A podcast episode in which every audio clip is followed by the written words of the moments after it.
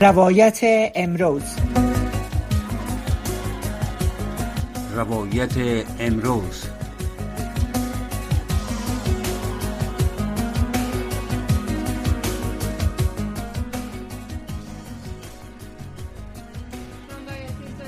آشنا صدای امریکا. سلام و وقتتان بخیر. شنوندای عزیز رادیو آشنا صدای امریکا سلام و وقتتان بخیر. امیدوارم در هر کجای که هستین صحت و سلامت باشین و از گزند روزگار در امان باشین. باز هم روز جمعه است برنامه روایت امروز و ما فرخنده پیمانی تا سی دقیقه آینده میزبان شما عزیزان هستم. البته در این برنامه که روی آغاز دوباره پانتون ها و دانشگاه ها در مناطق سردسیر افغانستان و همچنان اینکه طالبان در مورد حضور دختران نام نبردن و یا یادآوری نکردن در این موضوع ما صحبت های خود داشتیم با استاد دانشگاه کابل استاد شهلا فرید و همچنان یکی از معسلین را از افغانستان معسل پانزه ساینس در یکی از دانشگاه خصوصی را با خود خود داشتیم که در این موضوع ما با ایشان صحبت می‌کنیم و نظریاتشان می‌گیریم. اما قبل از او با یک مطلب می‌پردازیم که در مورد این موضوع بیشتر معلومات دادم خب طالبان آغاز دروس پانتون های مناطق سردسیر را تنها برای پسران اعلام کردن و وزارت تحصیلات عالی حکومت طالبان میگه که قرار از دروس پانتون های دولتی مناطق سردسیر افغانستان به شمول کابل تا پنج روز دیگه آغاز شود. خب وزارت روز چهارشنبه اول مارچ در اعلامیه گفته است گفتند که بر اساس فیصله شورای رهبری وزارت تحصیلات عالی در نظر است که دروس سمستری بهاری محصلین پسر در مؤسسات تحصیلات عالی دولتی مناطق سردسیر به تاریخ 15 ماه جاری به طور رسمی آغاز شود. خب در حال است که انتظار می رفت در سال تحصیلی جاری دروازه های پهنتون ها بر روی زنان و دختران نیز باز شود اما وزارت تحصیلات عالی طالبان در این مورد هیچ معلومات ندادند و همچنان قرار است تا حدود یک ماه دیگر سال تعلیمی 1402 نیز آغاز شود. وزارت تحصیلات عالی حکومت طالبان در ماه دسامبر میلادی البته تحصیل دختران را در تمام های دولتی و خصوصی افغانستان تا اطلاعی ثانی به حالت تعلیق در آوردن و تا اکنون هیچ خبری در این مورد نیست. خب این در حال است که دختران همه منتظرند که دوباره در دانشگاه ها و مکاتب برایشان در سال آینده باز شود ولی طالبان در این مورد هیچ معلومات ندادن و فقط در مورد دانشگاه های پسر، پسران بخش پسران صحبت کردن.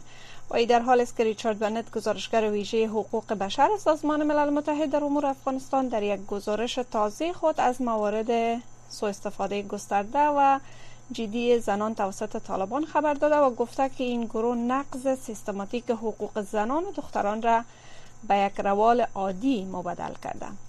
و همچنان ریچارد بنت در گزارش خود گفته که انکار تبعیض‌آمیز طالبان از حقوق بنیادی بشری زنان و دختران ممکن به مسابه آزار جنسی که جنایت علیه بشریت است باشه. و در گزارش سازمان ملل متحد بازداشت خودسرانه زنان معترض و بازداشتن زنان دختران از تحصیلات عالی متوسط و دختران را همچنان از مشاغل و حتی استفاده از پارک های عمومی برجسته کرده. خب این موارد است که در گزارش ریچارد بنت گزارشگر ویژه حقوق بشر سازمان ملل متحد آمده.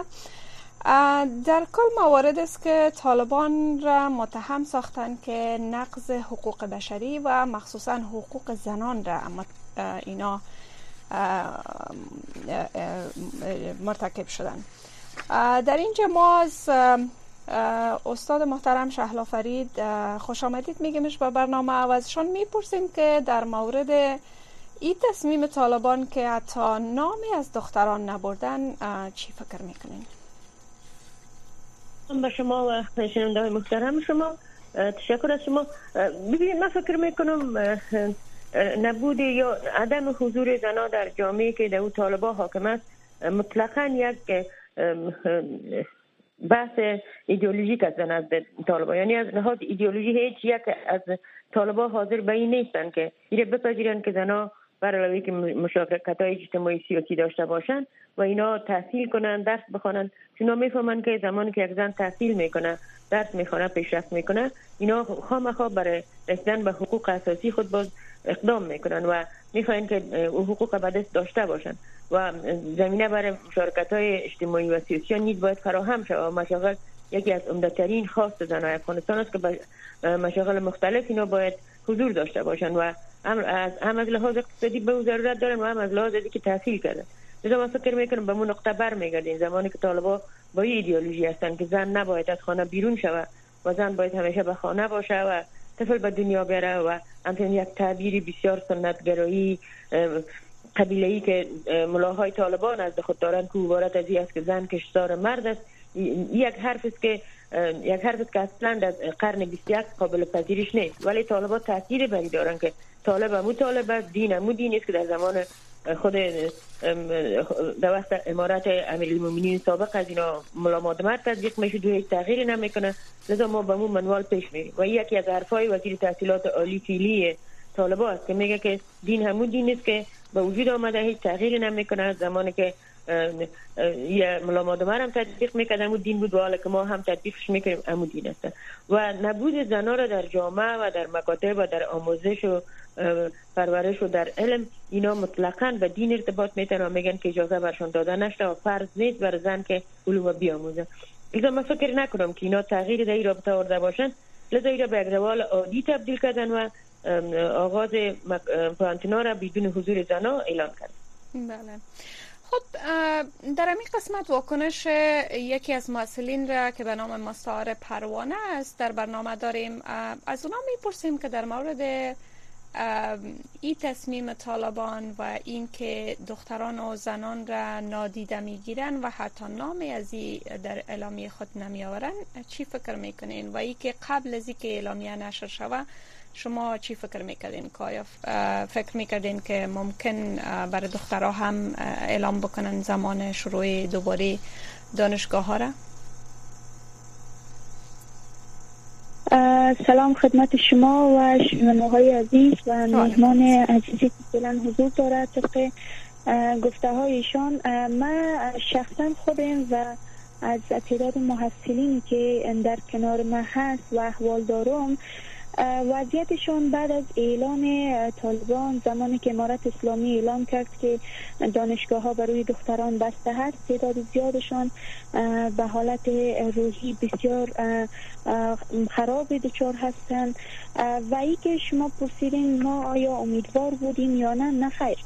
ما اصلا امیدوار نبودیم از قبلش زمانی که طالبات درهای مکاتب را بسته کردن درهای دانشگاه ها را برای دختران بسته کرد و حتی ما را اجازه نداد تا آخرین امتحان ما که یک مضمون ما مانده بود و ما او امتحان سپری بکنیم. ما امروز تقریبا امید ما قطع شد از طالبان. طالبان تغییر کردنی نیست و ما منتظر همچون اعلامیه بودیم چون طالبان کسایی نیستن. اینا کسایی نیستن که فکرشان تفکرشان تغییر بکنن نسبت به زنای افغانستان. اینا زمانی که وارد افغانستان شدن اینا وقتی حکومت به دست گرفتن هدفشان نمی بود که زنان را از جامعه حذف بکنن زنان را خانه بکنن دختران افغان را خانه بکنن پس ما هرگز هیچ امیدی از طالب نداریم و هیچ چشم انتظاری از طالب نداشتیم که طالب یک اعلامیه را مثلا صادر بکنه و دوباره دخترها و زنای افغانستان را اجازه بدن در حال ازی که تقریبا شما شاهد هستین از زمانی که طالبا آمدن و حکومت افغانستان به دست گرفتن. درهای مکاتب برای دختران بسته هست پس ما چطور انتظار داشته باشیم که درهای دانشگاه برای دختران باز باشه؟ ما کاملا امید ما قطع شده از طالبا و هیچ انتظار هم نداریم. چون طالبا کسایی هستند که زنان رو حذف می‌کنن و در حال حذف کردن هست. این روز زنای افغانستان داخل خانه قید شدن این روز دخترای افغانستان تمام آرزوهایشان را فراموش کردند آرزوهای دختران افغانستان و زنان افغانستان فقط خانه شده. خانه نشستن تنها کاری شده که برای زنها و دخترای افغانستان امروزه هست. مراکز آموزشی بسته هست. دانشگاه ها بسته هست. درهای مکاتب بسته هست. زنان و دختران به تنهایی نمی‌تونن مسافرت بکنن. نمی‌تونن از یک جا به جای دیگه. پس این دقیقا معلوم است که ما هیچ امید از طالبان نداریم. طالبان تغییر کردنی نیستن و ما منتظر بدتر شدن اوضاع هم هستیم اگر جامعه جهانی توجه نکنن اگر همه زنای افغانستان کنار همدیگر نباشند دست به دست همدیگر نداده و خاطر حقشان نخیزن و دفاع نکنن طبعا ما شاهد روز خواد بودیم که دختران و زنان افغانستان حق بیرون شدن از درهای خانیشان نخواد داشته باشند و حتی بله. امکان داره زنده گور کردن دختران در افغانستان یا در زنده گور کردن طبعا هنیال هم اگر ما دقیق و منطقی فکر بکنیم دخترای افغانستان زنان افغانستان زنده به گور شدن. آرزوهایشان زنده به گور شد. ای که درهای آموزش برویشان بسته هست. این که آینده دو نسل دیگر افغانستان در خطر هست. ای که 35 میلیون نفوس افغانستان که تقریبا نصف نفوس افغانستان را زنها تشکیل میده اینا خانه نشین شده این وضعیت واقعا وخیم است واقعا وحشتناک است. هنی زنده به گور کردن هست. آرزوهای نیم میلیون نفوس افغانستان فعلا دفن شده. همه دست کشیدن از آرزوهایشان. و فعلا زندانی هستن در خانه. پس ما چی امیدی داشتن می‌زنیم از طالبان؟ خب برمیگردیم به استاد شهلا فرید. طالبان در دوره اول حاکمیتشان هم قسم که همگی شاهد هستیم مخالفت سریح را با تعلیم دختران بیان نکردن بلکه با نشانی بود که تا امر ثانی تا اینکه وضعیت مناسب برای دخترها و محیط ماحول برای دختران مساعد ساخته شود دوباره مکاتب آغاز میشه و به فعالیت خود و دختران می‌تونن که دوباره به تعلیم و درس بپردازن. ولی این امرسانیشان حدود پنج سال دوام کرد. به نظرتان آیا تاریخ بار دیگر تکرار میشه؟ ببینین کشورهای کمک کننده کشورهای منطقه و در ضمن حتی گفتم می‌تونیم ملل متحد تا حد به درک کرده بودن که طالب تغییر نکرده و ما تاریخ در افغانستان یک بار دیگر تکرار میشه. ما بارها بارها ما خود مشاهد تکرار تاریخ بودیم چون تاریخ افغانستان مردم افغانستان بر ساختارش کمتر نقش می‌گیرن بیشتر خارجی ها در اون نقش می داشته باشه. متاسفانه این بار باز هم یک اگر مردم افغانستان اتفاق نکنن و اگر مردم افغانستان زنای افغانستان حمایت نکنن یک بار دیگر تاریخ تکرار شده در افغانستان و این دوام پیدا می‌کنه. ببینید من به این فکر هستم. من, من پیشتر را یکی از من افغانستان گپ می‌زدم. او می‌گفت که ما ما امید به این نداریم که ما را کسی حمایت نمی‌کنه. ما صدا بلند کرده نمی‌تونیم. و اینجا یک وحشت حاکم است. در زندان های افغانستان فعلا جنایت علیه بشریت جریان داره. ما زندان ها خبر داریم. هزارها دختر افغان امیال داخل زندان هستن. و مردم فکر می‌کنه که اینا خارج رفتن.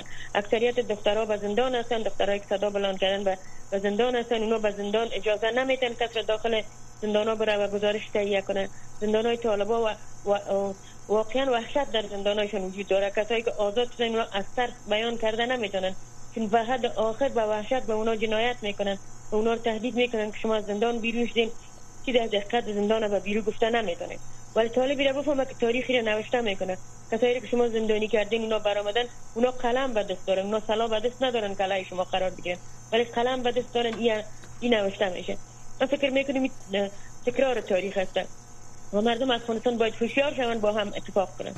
اگر اتفاق نکنن من میگم وقتی در 15 حود دروازه پانتونا برای بچه ها باز میشه بچه ها نرن به پانتون بچه از, از درسی که طالب در داخل پانتون کابل می‌خواهد داشته باشه از او درس چی چی امید دارد؟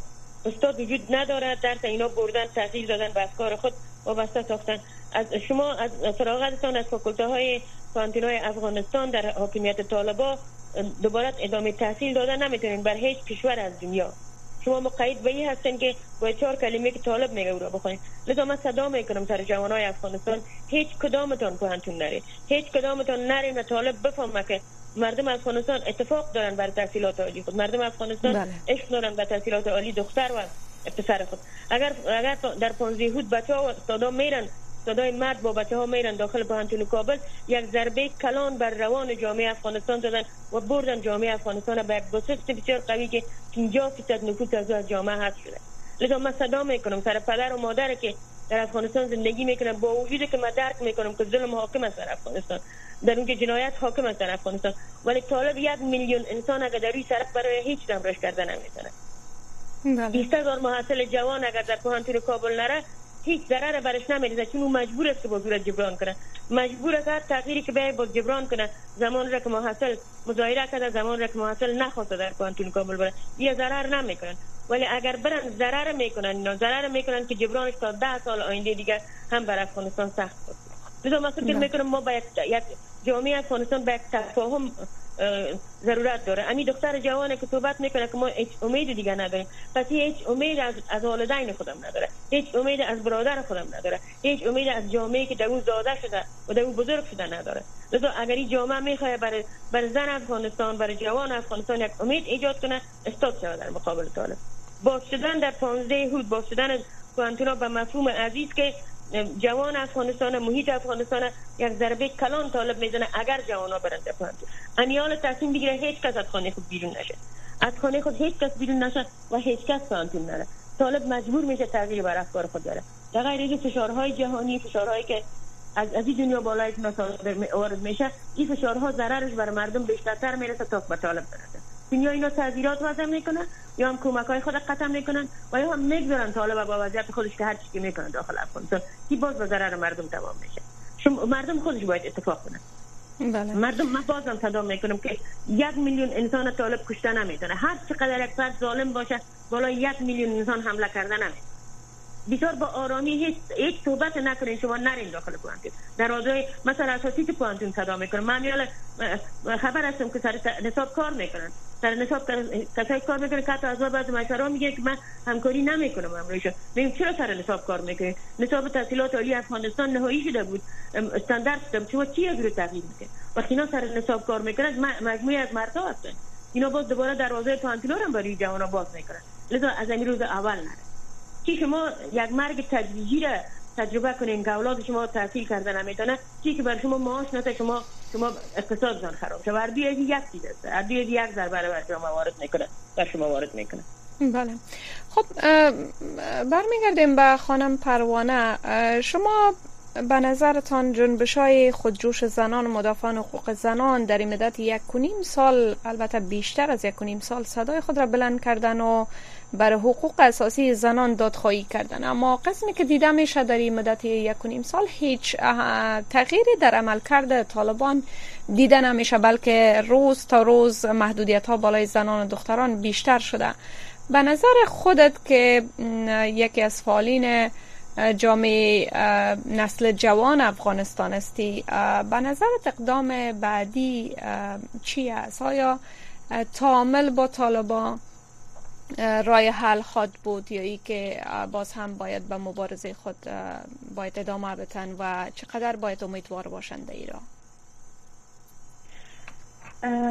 به نظر من مبارزه دقیقا در مقابل طالبان باید دست از مبارزه بر نداریم. تعامل با طالبان کاری هست یا اشتباهی هست که جبران ناپذیر هست. طالبان ذهنیتشان قسمی نیست که ما بشینیم با طالبان تعامل بکنیم. طالبان کسایی هستند که ما را پیکر نیم پیکر از جامعه را فعلا حذف کرده خانه نشین کردن طالبان کسانی هستند که دشمن با سواد شدن زنان و نسل جوان افغانستان هست. امروز طالبان درهای تحصیل در تمام درهای امید برای زنان و دختران افغانستان بسته کردن معلوم دار هست. طالبان از زنان با سواد افغانستان می ترسند می ترسند روزی که اگر دختران افغانستان اگر زنان افغانستان با سواد شوند از حقوقشان دفاع می کنند می ترسند روزی اگر دختر و زن یک خانواده با سواد شوه او دیگه نمی‌گذارد ظلم بالای خانوادهش حاکم باشد. پس به می دلیل من مردم شریف افغانستان از برادرای عزیز قسمی که استاد محترم قبلا اشاره کردن من همچنان به حیث یک محصل به حیث یک نسل جوان از برادرای عزیز ما می‌خوایم خواهشان تقاضا می‌کنم از محصلین عزیز ما که در دانشگاه ها قرار چند روز بعد حضور بیابند. تقاضا می‌کنم که دست به دست هم بتن پشتبان ما باشه و نمانه که حق خواهرایشان پایمال شوند طبعا در هر خانه اگر یک پسر یا دو پسر هست در هر خانه در هر خانواده دختری هم وجود دارد زنی هم وجود دارد که با تمام آرزوهایشان فعلا خانه نشین شدن. پس برادر محترم اگر تو میخوایی که آرزوی خواهرت دفن بکنی اگر میخوایی که امید و آرزوی بلند خواهرت اگر میخوایی در خانه باشه و زندانی بکنی پس اگر تو دانشگاه بری و دوباره به شکل عادی و نرمال بخوایی درس بخوانی در حالی که خواهرت در خانه هست و خواهر تمام آرزوهایش دفن می‌کنه پس ما به این امید میشیم که مردان افغانستان حتما با طالبان تعامل می‌کنن ما می‌خواهیم که مردای افغانستان زنای افغانستان همه در کنار هم دست به دست هم بدیم ما درست مبارزه می‌کنیم و مبارزه هم کردیم. ما زمانی پیروز میشیم که اتحاد داشته باشیم. زمانی که همه پشتبان هم باشیم. ما هستیم در جامعه فعلا در حالی که مبارزه کردیم. هستن مردایی هستن که در با وجودی که در کنار ما ایستاد نمیشن با وجودی که پشتبان ما نیستن در کنار از این شاید خیلی از حرفای زشتی هم بر فعالین مدنی میگن. برای دخترای افغانستان. ما خودم شاهد هستم پس یک تیراد اندکی از مردای ای جامعه را که با که دختران افغانستان نمیرن دانشگاه دختران افغانستان خانه نشین شدن اینا خوش هستن. احساس غرور می‌کنن. از این معلوم میشه که جامعه افغانستان روز به عقب میشین عقب میرن روز به روز در حال پسرفت هستن انی که فعلا این شرایط در افغانستان وجود داره من مطمئن هستم که چند سال بعد افغانستان سطح سواد افغانستان چی از مرد و چی از زن آنقدر خواهد پایین آمد که حتی اگر یک زن در بیرون در روی جاده ها گشت گذار بکنه یا شاید ننگ ببینن مردای افغانستان. این وضعیت مرد سالاری در هر خانواده افغان در کشور افغانستان حاکم بوده و حاکم هست. پس ما می‌خواهیم که دخترای افغانستان زنان افغانستان دست به دست هم بتن نمانند که مرد سالاری باعث از بین رفتن آرزوهای نسل جوان آرزوهای زنان افغانستان شود. پس زنان افغانستان یک چیزی هم شاید برای طالبان ثابت شده باشه که زنای افغانستان زنای ایدهی افغانستان کسایی نیستن که فقط تماشا بکنن شاید یک تعداد از خواهرای ما که فعلا به سطح مبارزه نبر و در خانه هستن اینا از ترس هستن و یا حمایتگر ندارن. زنای افغانستان ایبار به جاده ها میرن ایبار صدا بلند می‌کنن ایبار به هر نوع اعتراض دست می‌زنن مبارزه می‌کنن تا حقشان به دست میرن ایبار با قیمت خون ما با قیمت هر چیزی که از دست بره ما از حق ما دفاع می‌کنیم و طبعا این مبارزات را که ما انجام دادیم بدون نتیجه هم نبوده و اینکه هر قدر طالبا سختگیرانه عمل بکنن هر قدری که ظلمشان یا هر قدر قیوداتشان زیاد ما هم قدر صدا بلند می‌کنیم و صدای ما هیچ وقت خاموش شدنی نیست. خب استاد محترم قسم که همگی شاهد هستیم مدت بیشتر از یک نیم سال از حاکمیت طالبان بر افغانستان میگذره و روز به روز محدودیت ها بالای زنان بالای زندگی اجتماعی تحصیلی کار همه موضوعات تنگتر و محدودتر شده بر زنان. و شما البته به عنوان کسی که در بخش تعلیم و تحصیل نسل جوان افغانستان سالهای زیاد را در بخش تحصیلات عالی صرف کردین و برای نسل جوان شما آموزش دادین. به نظرتان خلای تحصیلی را که در این مدت به میان آمده چی برای متعلمین چی برای میلیون ها دختر و زن که در مکاتب به درس خود ادامه می‌دادن و چی برای مسئولین پانتون ها چی, چی دولتی و چی خصوصی؟ به نظرتان چی اثرات منفی را در عرصه تحصیلی دختران در افغانستان در کل به جا می‌گذاره برای سالهای آینده؟ البته من فکر می‌کنم دو تا تاثیر منفی رو بر جامعه وارد می‌کنه. یکی تاثیری که یک نسل یک نسل اگر شما یک روزش از تحصیلات عالی کمتر مصرف می‌کنین یعنی عقد مندازید او از هم از لحاظ سطح سویه برای اون کشور تاثیر می‌کنه. و هم از لحاظ اقتصاد. طالبا درک نمی‌کنن. وقتی یک یک دختر تا سطح تا پنج فاکولته طب پانتونای افغانستان رسیده و او دوباره او را امتحان داده نتونسته که بره عملا دکتر شود در جامعه خدمت کنه. این نمی‌دانن که چقدر پول سر از پول دولت مصرف شده بود تحصیلات عالی در افغانستان رایگان است. در هیچ دنیا تحصیلات عالی رایگان نیست. محصل پول می‌پردازه تحصیل تحصیلات عالی می‌کنه. شما او یک اقتصاد خودش یک سایکل در جامعه تعیین می‌کنه که مردم در اون نقش می داشته باشن مستقیم سر اقتصاد افغانستان امیال تاثیر کرده و تاثیر بعدی خودم داشته و بس دیگه ای که پانتونای خصوصی در افغانستان یک هدف تحصیلی داشت و یک هدف استراتژیکی که باید نسل جوان بیشترتر بر زمینه مسائل شود تحصیل کنه. چون ظرفیت پانتونای دولتی بسیار محدود بود که خود اساتید و خود مردمی که سرمایه داشتن سرمایه گذاری کردن پانتونای خصوصی را ایجاد کردن. یک سرمایه کلان سرمایه دارای افغانستان در پولی از یک درک از جامعه تحصیلی افغانستان داشتن اینا پولشون سرمایه گذاری کردن سر تحصیلات عالی. که مطابق به قوانین افغانستان ایجاد مؤسسات تحصیلات عالی خصوصی یک جنبه بزنس یا تجارت داره و جنبه دیگه هدف استراتژیک برای تحصیل نسل جوان داره. این پانتونا من خبر دارم که اکثریتش بسته شده در افغانستان. در کابل فقط سه پانتون فعلا از خصوصی فعال مانده عملا فعال مانده که بیشترین می‌تونه کم کار کنه که کاردان است نمی‌خوایم نمایش بگیریم یک چند تا پانتون دیگه است. کلش بسته شده اینجا هر هر جوانی که تا صنف چهار یا پنج یک فاکولته خوانده بود اونا سر خود سرمایه گذاری کرده بودن پول مصرف کرده بودن. آیا طالب پرداخت کرده می‌تونه هیچ منویات که شما یک طرف باین آیا مادیات از به خانواده پرداخت کرده می‌تونه که چهار سال بالای یک دختر خود چقدر پول مصرف کرده بود؟ یا چهار سال بالای یک پسر خود چقدر پول مصرف کرده بود؟ کالو پانتون بسته شده؟ شما ببینید که بسته کردن از این پانتونا و نبود دخترها در جامعه سبب بسته شدن پانتونای خصوصی شده چه رقم ضررش حتی به افراد در جامعه می‌رسه. من فکر می‌کنم جبران از این بسیار سخت است. ما از در, در فکر ازی هستیم که دوباره مکاتب شروع شود پانتونا شروع شود. ما به فکر ازی هستیم که خلاهای به وجود آمده را ما رفع می‌کنیم.